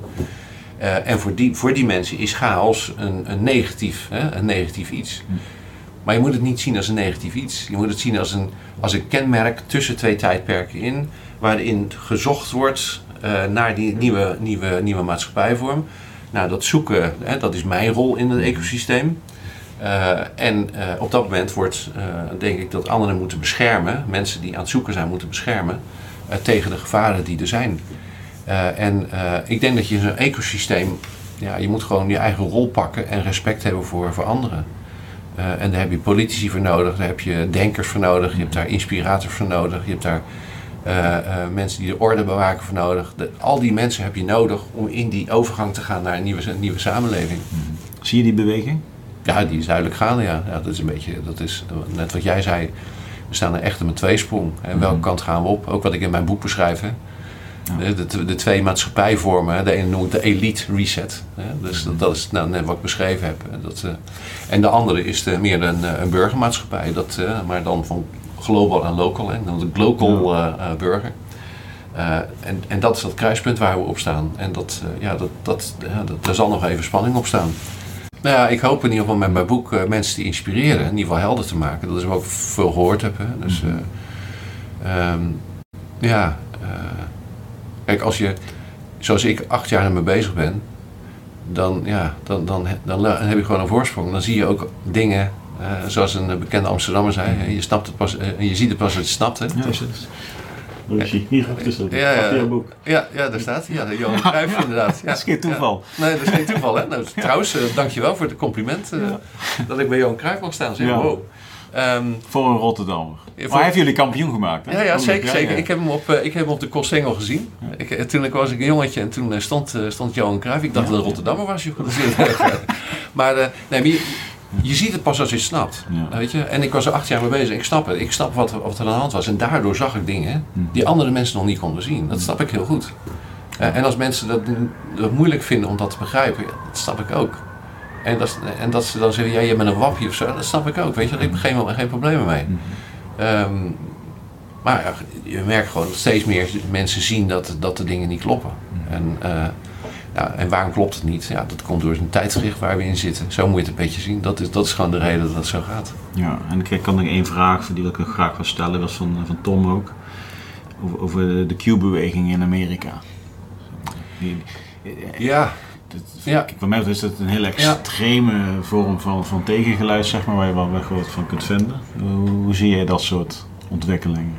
Ja, um, weet je, ik probeer eigenlijk altijd uh, tot de feiten te houden. Je moet eigenlijk, het werk wat ik doe, hè, kun je een beetje zien als, een, uh, uh, als uh, Sherlock Holmes. Mm. dus ik hou altijd alles open. en daarna ga ik falsifiëren. Hè, de dingen die niet kloppen, die haal ik eraf. En datgene wat er overblijft, hoe onwaarschijnlijk ook, is dan waarschijnlijk het, het juiste, het juiste antwoord. Hè. Dat, dat, is, dat is het werk wat ik doe. en ook als je naar zo'n crimi kijkt, hè, dan wordt er gelijk zeg maar, een, een, verdachte, hè, die, die, die blijkt het niet te zijn. Hè. Dus, Dus ik ben altijd op zoek naar bij de feiten blijven en altijd kijken van wat er klopt uh, enzovoorts. Nou, wat je dan krijgt is dat zowel aan de ene kant zijn mensen die helemaal doorslaan, maar je hebt ook aan de andere kant mensen helemaal doorslaan. Hè? Dus, um, dus ik, ik zit not, nog aan de complotkant uh, en, ik zit not, not, uh, en ik zit ook niet aan de, aan, aan zeg maar de bestaande systemen zomaar geloven. Alles wat die politici zeggen, dat, die geloof ik niet aan. Dus ik, ik geloof ze geen van bij. Hè? Zo moet je het een beetje zien. Dus ik, ik kies mijn eigen ding. Um, nou, die Q-gedachte, wat, er, wat, er, wat niet alleen in Amerika, maar ook elders gebeurt, dat is. Um, er worden allerlei veronderstellingen gemaakt over wat die elite allemaal doet. Dat is uh, hoe ver ze erin gaan. Um, wat een feit is, uh, is dat, dat die grote bedrijven zijn echt heel machtig geworden en een aantal die gedragen zich niet goed. Ja? En die gaan er heel ver in. Dat is altijd zo geweest. Wat ook een feit is dat er heel veel NGO's zijn waarvan de meeste deugen heel goed werk doen voor de wereld, maar een paar niet. En met name als die twee bij elkaar komen, dan gaat het helemaal fout. Dat, dat is, daar hoef je geen complot voor te bedenken. Dat is, dat is, gewoon, dat is gewoon een feit. En, uh, en, en historisch gegaan, uh, gezien is het ook altijd zo gegaan. Maar wat natuurlijk ook gebeurd is in het verleden. En al die verhalen van die Q kan, heb ik niet. Ja, ik heb er geen bewijs voor kunnen vinden. Ik heb het ook niet kunnen falsifiëren. Dus ik laat me even liggen. Ik doe er verder niks mee. Maar het is wel zo altijd geweest dat een elite uh, altijd de neiging heeft om door te slaan. Dat is ook altijd zo geweest. Uh, zo is ook de, uh, de Franse revolutie, de, de bestorming van de Bastille, is op die manier tot stand gekomen. Wat was er aan de hand? Je had een enorme afstand tussen de koning en het volk. en de volk, er waren ziektes geweest, er was honger en zo, en die werden steeds onrustiger. Die accepteerden op zich wel de afstand tussen hun en, en de koning. Maar hij moest wel een beetje binnen de perken blijven. Nou, en die koning, die, ja, die had helemaal geen feedback. Hè. Die, die, ja, iedereen die moest naar zijn pijpen dansen. En als ze niet deden, werden ze ontslagen of, of vermoord of zo. Uh. Um, en die werd steeds gekker. Die, die, werd, die deed steeds, steeds raar. Die voelde zich zo onaantastbaar. Die, en die wist ook niet beter waarschijnlijk. Nee, die, en, die, die, die begon voor God te spelen. En die begon hele rare dingen te doen en zo. En ik dacht dat hij echt een alleenheerser was en zo. Ja, en dan krijg je een soort uitwassen. Um, waardoor iemand gewoon echt over de top gaat. Hè? En, uh, en, en met name mensen veel macht. Uh, die hebben nog wel eens de neiging om narcistisch te zijn, hè? wat geen feedback zien. Dus het is wel een menselijke eigenschap dat als je te veel machtige geld hebt, dat je een beetje losraakt van, van, de, van de samenleving. Nou, wat gebeurde bij de bestorming van de Bastille? Die was helemaal van, van de realiteit losgegaan. En die ontsloeg een minister van Financiën die heel populair was bij het volk. Dus het volk had eigenlijk de hoop op die minister van Financiën. Die opkwam voor het volk. Zeg maar de uh, Wiebe van Haga van, uh, van, van, van nu, zeg maar. Hè? Dus uh, zo'n man die echt voor het volk staat. En die werd ontslagen. En toen hebben de mensen gezegd, en nou pikken we het niet meer. En toen zijn ze met z'n allen naar de bestier gegaan. En toen is die bestier bestormd. Dus dat, dat een bepaalde elite over de top gaat, nou, dat vind ik, uh, historisch gezien, vind ik, uh, is daar wel bewijzen voor te vinden. Uh, is het psychologisch wat te begrijpen? Ja, vind ik ook wel. Heb ik er bewijs voor dat gebeurt? Nee. nee. nee. En, en, daardoor ontstaat. Maar ja, precies, het is aannemelijk. Het is aannemelijk. Ja. En je zoekt een complot en dan vind je de bewijzen er wel voor. Nou ja, kan zijn dat het uitkomt, maar ja, ik, ze zeggen het wel. Maar ja, ehm, Weet je, ja. ik hou alles voor mogelijk, zoals Sherlock Holmes. Um, ik blijf het ook nauw volgen. Maar zolang ik geen bewijs voor heb, is het voor mij geen hypothese. Nee, maar als we kijken waar we de, de lijn die nu in is gezet, van, vanaf het niet meer handen schudden tot zeg maar, uh, een indirect vaccinatieverplichting om naar een festival te gaan waar je zelf voor kiest of je er wel of niet naartoe hoeft te gaan. Ja. Dan is een logisch vervolg van als je een keertje naar Duitsland moet, die al net wat verder zijn, dat je een updateje moet halen. Anders mag je die ene camping ook niet op op vakantie. Even, dus, dus, maar dat is niet. Ja.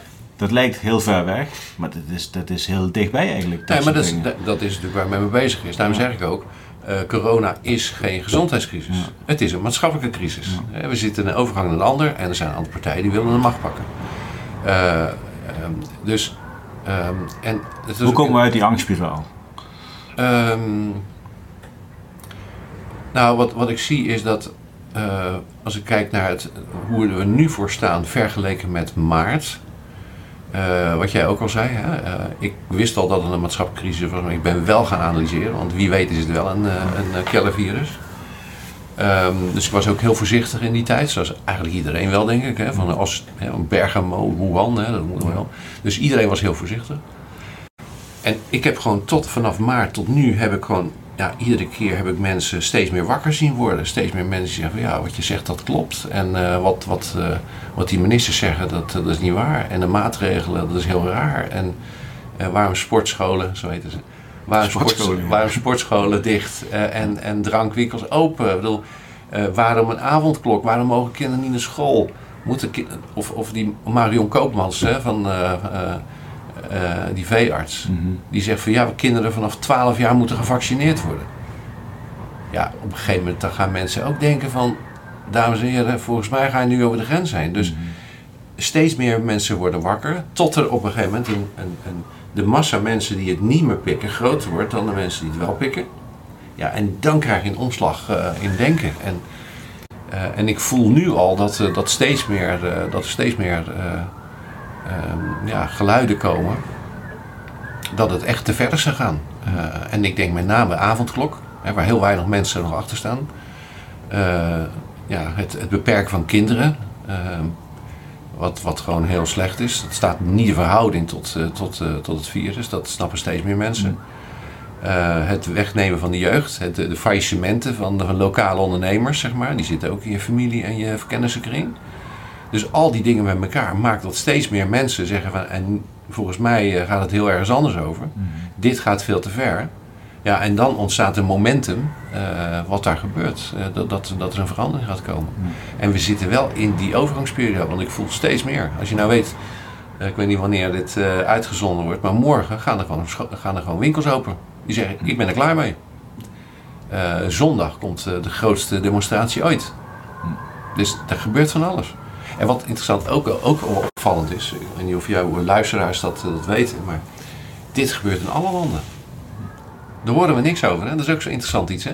We horen niks over Italië en Spanje en Frankrijk en, uh, en uh, Oostenrijk en, uh, en, en IJsland en Denemarken en Duitsland en Polen en Tsjechië. We horen er niks over. Maar het is daar nog veel, veel heftiger dan hier.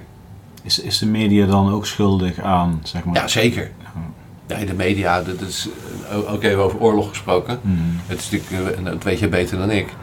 Uh, als je een oorlog wil winnen, moet je de mediacontrole hebben. Mm. Zo is het altijd gegaan. En dat is nu ook zo. Als je, als je nu ziet wat. Ik, ik kan niet meer naar televisie kijken. Als je weet hoe het zit, als je de feiten kent, ja. je kunt niet meer naar je nek kijken. Dat is gewoon onmogelijk. Mhm. Dat is één grote propagandamachine. Dat is onvoorstelbaar. Mhm. En dan voel je gewoon, dit, is, dit klopt niet. En dit klopt gewoon echt niet. Dus die media is onder controle. Je krijgt gewoon niet de goede cijfers. Je krijgt niet de goede gegevens over het virus. Je krijgt niet de goede gegevens over de maatregelen, wat het doet. Je krijgt geen gegevens over wat er in het buitenland gebeurt. Dat is wat er gebeurt. Ja, Bob. Dankjewel, Bob. Heel interessant. Verkiezingen komen eraan. Komen de verkiezingen te vroeg? Had je ze graag over een maandje of drie, vier gezien? Ja, ik had ze liever, ik, had ze liever iets, iets, iets later gehad, ja. Want uh, het wordt wel heel spannend, vind ik. Het wordt wel heel spannend. Wat moet er gebeuren om de verkiezingen een onderdeel te laten maken van het verschil waar we naartoe gaan? Nou, ik denk dat dat na de verkiezingen gaat gebeuren, eigenlijk. Dus ik, ik moet even afwachten hoe het gaat. Um, um, maar ik denk dat de maanden na de verkiezingen... Um, dat dan de echte onrust gaat ontstaan. Dat is wat ik denk. Ja, dat er ook een stille hoop is op die verandering. Die misschien wel uit gaat blijven. En, en dat dan mensen gaan, nou, denk ik echt. Nou ja, wat ze zeggen is dat, hè, nou je weet hoe het gegaan is. We kregen eerst een korte lockdown, hè, korte intelligente lockdown. Um, dan kregen we een tweede golf, een derde golf, nieuwe lockdown. Um, en sommige mensen zeggen dat het tot 2025 gaat duren. Hm. Omdat zo lang hebben ze nodig om die, om, die, om die bevolking onder controle te krijgen. Maar ik weet niet of iedereen dat uh, gaat volhouden hoor. Dat, uh, ik denk dat er veel eerder onrust gaat ontstaan. Je hebt veel connecties in het buitenland? Ja. Hoe, hoe, hoe, hoe praat het Bob de Wit uit Amerika bijvoorbeeld, of de Bob de Wit uit Frankrijk? Hebben jullie daar samen ook uh, een groep die daarover spreekt? Nee, we hebben niet echt een groep, maar ja, we, we, we, kennen elkaar wel. We hebben wel contact met elkaar. Het is, het is eigenlijk overal wel een beetje hetzelfde verhaal, ja. ja. ja. En logisch ook, want het zijn corporate states. Ja, en, en het grote verschil is, kijk, en misschien ook wel interessant te weten.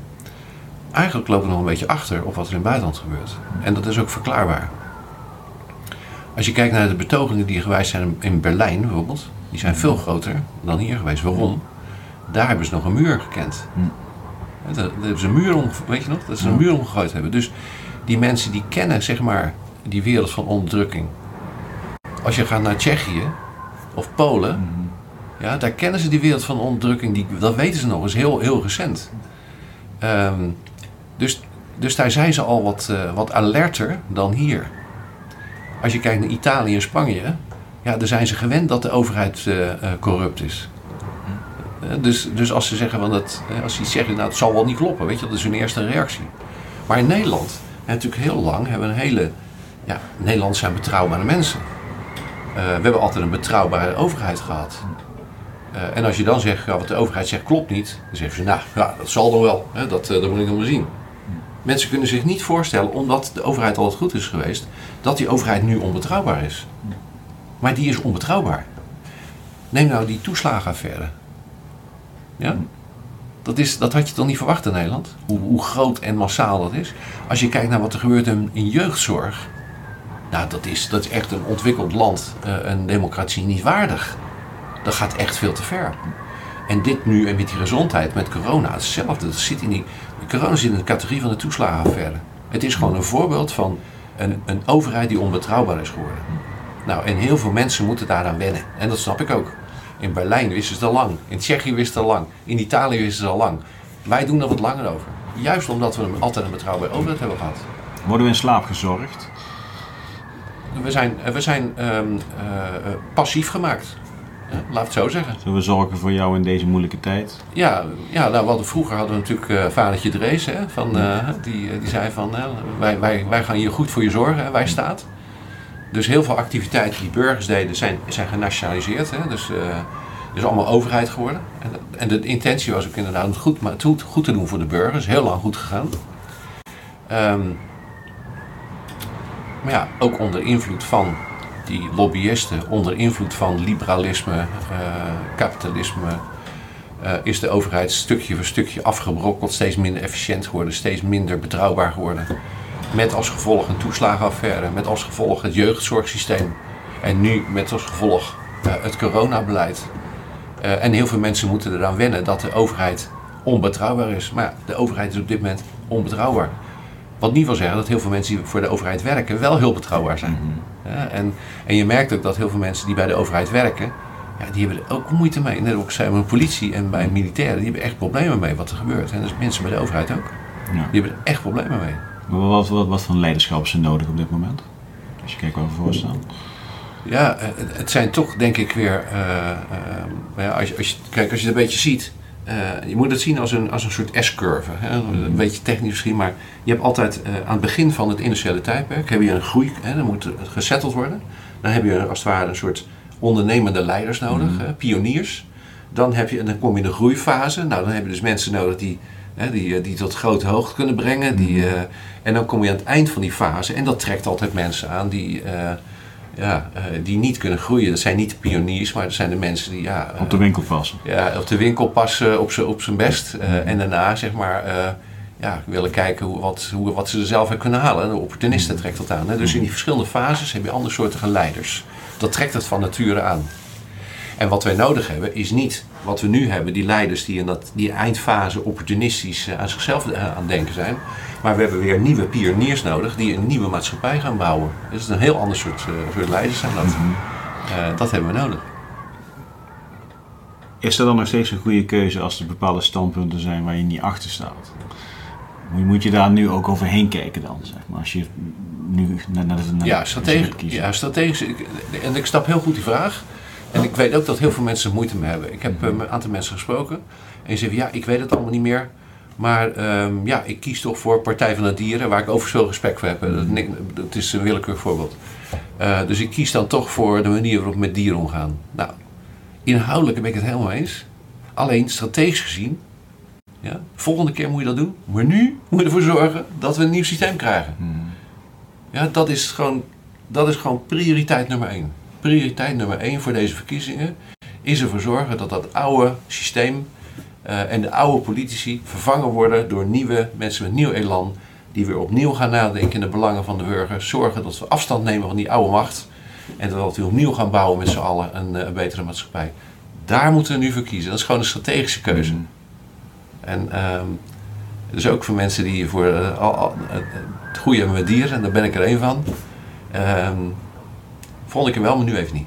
Ja. Nu even kiezen voor de verandering. ja. Dus de verandering staat nu even boven Ja, partijprogramma, zeg ja, maar. ja dat is op dit moment echt belangrijk. Ja. Eh, Ik, ik, had, ik, heb, ik had Dick Berlijn afgelopen week gesproken. Kijk eens aan. Ja, dat is natuurlijk generaal eh, BD. Dat mijn oude commandant der strijdkracht toen ik in Afghanistan was. Dus dat was heel leuk. Ja, zeker. Kijk, en en, en ik, ik, ik heb net nog even teruggeluisterd. Want jij was huzaar van Borrel? Ik, ja, ik was wel een wachtmeester sergeant met de huzaren van Boreel. En eh, wij zijn verkenners. Ja, dus Nou, dat zou ik jou eens vertellen.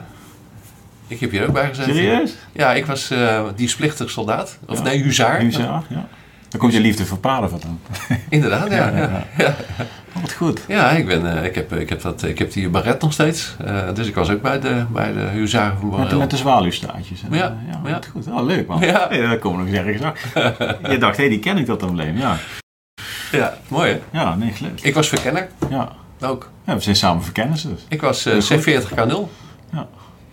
Ja, was waarschijnlijk mijn commandant dan in dat geval, of niet?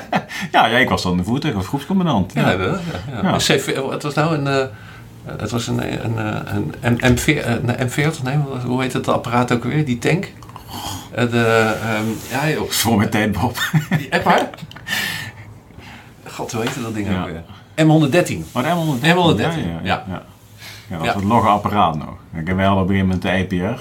Ja. Die kwam natuurlijk daarna. Ja, die kwam daarna, ja. Natuurlijk de, ja, gewoon Ja. een beetje de jeepjes hadden we dan. Ja, ja dat was ook zo. Dat, eh, ik was C40K0. Eh zo heette die. eh, en ik was inderdaad de laatste generatie C40K0. Ja, dus daarna. Dus, dus ik wist van dat is wel goed gekozen. Want Ja. ik, ik vond het niet. Ga je een eh, keer mee naar een regimentsevenement? Ja hoor, leuk. Ja, ze doen? Ja hoor, leuk. Ja. dat is goed. Dat doen we. Ja. Oh, Dick Berlijn was toen eh, commandant Ja. der strijdkrachten. Ja. Die, die, die, die ik rapporteerde aan Henk Kamp, minister van Defensie in Ja. die tijd. Dus ik had een mooi gesprek met hem. En goed, die komt na de verkiezingen online. Maar ik wil toch iets eruit halen wat wel, denk ik, wel, wel mooi is. Mhm. Hij zei, ehm, dus ik vroeg over, ik zei, ja, leiderschap. Ik zeg, verkiezingen. Toen zei hij van, ja, er gebeuren heel veel dingen op dit moment. En eh, eh, dat vraagt aan partijen eh, dat ze zaken in een breder perspectief gaan zien. Ja, en vooral kijken waar we naartoe moeten. Ja. dus niet waar we zijn, maar echt waar we naartoe moeten. Dus, vooral als leiderschap is het belangrijk dat je van buiten je eigen bubbel naar je eigen organisatie gaat kijken Ja. om te zien waar het fout gaat. Ja. En dat triggerde mij. Toen van, hé, hey, dat, dat, is, dat is interessant. Ja, en goed leiderschap is vooral in dit geval eerlijk leiderschap en authentiek zijn. En, ehm, maar we willen wel bij gezegd hebben, eh, ik geloof ook niet in partijen die dingen ontkennen. Nee. Dus dat was wel een toevoeging dan. Ja. Ja, en, en toen zag ik s'avonds dus jouw post. Ja. En dat kwam dus samen op dat, in dat geval. Ja. Wij waren natuurlijk aangetrokken door het regiment. Dat stond al in de sterren. Ja. Maar dat Tuurlijk. triggerde mij. Met name van dat eh, brede perspectief. Ja. Kijken waar je naartoe wil gaan. Uit je bubbel gaan. Want voor, voor mij zitten ze allemaal in een bubbel te kijken naar oplossingjes. Ja, die ga je niet zien, want je zit in je eigen bubbel. Ja. Ja. Nee, klopt. Nou ja, daarom zeg ik al eh, een jaar lang. Dit is geen gezondheidscrisis, dit is een maatschappelijke crisis. Want eh, ja, iedere keer weer. Je wordt zo, door alle nieuws zo naar dat virus gezogen. Alsof het een gezondheidscrisis is. En mensen zien niet het grote plaatje waar het een onderdeel van is. En ik probeer iedere keer aan te geven, dames en heren, laten we het hebben over het virus. Het is een klote virus, weet je wel, heel naar en zo. Dan moeten, dan moeten mensen beschermen en zo. Eh, Oké, klaar. En nu gaan we het hebben over het grote maatschappelijke ding wat er gaande is. Uitzoomen. Ja. en wat speelt er nou echt achter de schermen. En, eh, en eh, ja, dus, ja, heel veel mensen vinden dat toch heel moeilijk hoor. Is, is het mogelijker voor de huidige leiders nog uit te gaan zoomen? Als je zo lang, zeg maar... Nee, ik denk, dat je wel een, ik denk dat het goed is om gewoon een, eh, een nieuwe generatie eh, leiders te hebben. En die staan ook al op hoor. Eh, ook in Limburg had je, eh, god, eh, uit zo'n moeilijke naam, eh, echt zo'n Limburgse naam. eh, voorzitter van de VVD, die eh, daar op afstand, die heeft, eh, die heeft zijn eh, fu- fu- eh, functie neergelegd. Ja, dat is gewoon een jonge politicus. Die met het oude systeem niets meer heeft. En die is gewoon uitgestapt. Nou, dat is nou de generatie van mensen die we nodig hebben. Ja, en hoe komen we van die, van die oude ja, van die oude generatie af. Hè. Dat is... eh, Ja. Ja, dus, maar wat, ik denk dat we echt een nieuwe generatie en een ander soort denken moeten hebben. Ehm, ja, het ja, voordeel is, ik geef natuurlijk veel presentaties eh, en ik schijn mensen te inspireren met mijn werken en met mijn schrijvers en zo. En dat trekt ook wel heel veel mensen aan. Ja, ook jonge mensen. Hè? Er zijn ook heel veel jonge mensen, eh, groepen, eh, die zich ook heel erg zorgen maken. Eh, ik had al gezegd over politie die, eh, en, en, en, en vanuit uit het leger. Maar ook heel veel jongeren die hebben aangesloten. Die maken zich zorgen. Ehm, eh, ja, het is hun toekomst uiteindelijk. Nou, er, zijn, er worden groepen aangemaakt. eh, nou, er zijn tienduizenden jongeren die hiermee bezig zijn. Echt tienduizenden. Ja, daar moeten we het aan hebben. Ja. En, en ja, het is hetzelfde als dat je als bedrijf zeg maar, een nieuwe toekomst moet maken. Wat heel anders dan het verleden. Ja, dan moet je ook jonge mensen bij betrekken. Dus ook hier zou ik zeggen, laten we jonge mensen bij betrekken. En, en laten we daar een gesprek mee gaan, een dialoog gaan en zo. We gaan niks ontkennen. Maar we gaan het ook niet overdrijven. En we gaan gewoon alle cijfers op tafel leggen. Alle feiten moeten bloot. En laten we dan eens gaan kijken hoe we eruit En de juiste mensen helpen. Ja, inderdaad. Dat Ja. is denk ik... eh, komt er een hete lente aan? Ik denk dat het best onrustig gaat worden. Ja, Ja. dat, denk ik, dat denk ik zeker. Ja, ja. ja want kijk, ehm, het aantal ondernemers die er klaar mee is, dat neemt toe. Het aantal ouders dat klaar mee is, de jongeren die er klaar mee zijn. Vondelpark was een voorproefje. Ja, het is echt een voorproef. Het is helemaal klein. Dat gaat echt, dat gaat echt eh, behoorlijk uit de hand lopen. Ja, helaas. Nou goed, we gaan lekker afronden, Bob. Ik vond het heel leuk dat je er was. Ik denk dat we mooie dingen besproken hebben. Regimentsgenoten. Ja, ongelooflijk hè, maar dat Dus is, niet hè. eh, nee, dat is, dat is leuk. En, ehm, goed, je, je- mij inspireert in ieder geval. Je zet me aan tot, tot denken. Dat is denk ik ook het, eh, doel. Nou, goed, het het, bo- het boek, hier zit, ja, je boek zit achter me. Ik Ja. zal het linkje ook in de podcast doen. Dan kunnen mensen eh, het gaan bestellen als ze het nog niet hebben. Ja, en als ze willen kunnen ze ook een gesigneerd pla- eh, exemplaar bestellen. Oh, dat moeten ze dan wel op mijn site doen. Dat is societyfourth.org. Ja, Dus daar kun je het bestellen. En als je erbij zet van eh gesigneerd exemplaar, dan zorg ik ervoor dat je een ja gesigneerd dan zet ik, exemplaar eh, krijgt. zet ik dat linkje erbij. Ja. En, eh, maar goed, even voor de verkiezingen. Iedereen moet stemmen op dat wat voor hem goed voelt. Ik denk dat we een hoop dingen besproken hebben. Ja. Die, die echt wel tot nadenken toezetten. Dus ik, ik ga hem ook zo snel mogelijk online zetten. Dus mensen dit nu horen, dan denken ze van ja, hij staat wel online. Zeg, dat klopt. Ja, ja, En eh, dan gaan we kijken wat de toekomst ons brengt. Eh, Ja. En we blijven vooruitkijken. ja. En, en kies, hè, dat is mijn, mijn advies, kies voor de toekomst van je kinderen. Dank wel. En dan komt het gesprek met Bob de Wit alweer ten einde. Anderhalf uur met Bob gesproken. En ik wil Bob echt super bedanken voor zijn komst naar de studio in Haarlem. Ik weet hoe druk Bob is, zeker in deze tijd waarin eh, zijn kennis en zijn inzichten echt wel maximaal benut worden door vele mensen. En dan toch de tijd nemen om gewoon een hele ochtend met mij hier in Haarlem dit mooie gesprek op te nemen. Ik ben daar echt ontzettend dankbaar voor.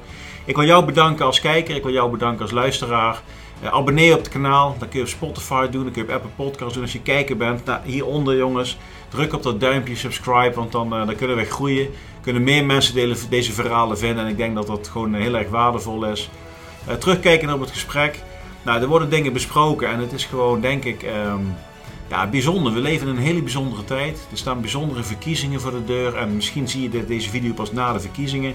Nou, dan kun je eens terugkijken van, goh, wat is er uiteindelijk gebeurd na dit gesprek? Zijn er dingen veranderd? Wat voor keuzes zijn er gemaakt? En ik denk dat we hier eh, met z'n allen slimmer uit gaan komen. En wat je ook kiest, of waar je ook voor staat, of wat je mening ook is, het maakt niks uit.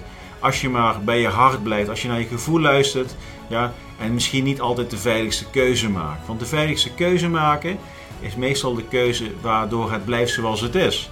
Ja, en als je ook maar een beetje neigt naar, goh, ik, ik zie wel dat de dingen anders kunnen, misschien ook wel anders moeten. Nou, probeer eens van die gebaande paden af te gaan. Of dat nou in dit geval voor een verkiezing is, misschien is dat wel persoonlijk of voor je werk. Eh, pak eens een keer een andere weg. Ja, je kunt altijd terug. En eh, het geeft vaak hele verrassende, mooie inzichten. Eh, omdat je plekken komt waar je anders nooit was geweest. Nou goed, eh, we gaan lekker afsluiten. Bedankt voor het kijken, zeg ik. Bedankt voor het luisteren. Vergeet niet te abonneren en te subscriben. En ik zeg eh, Patrick hier. Einde bericht.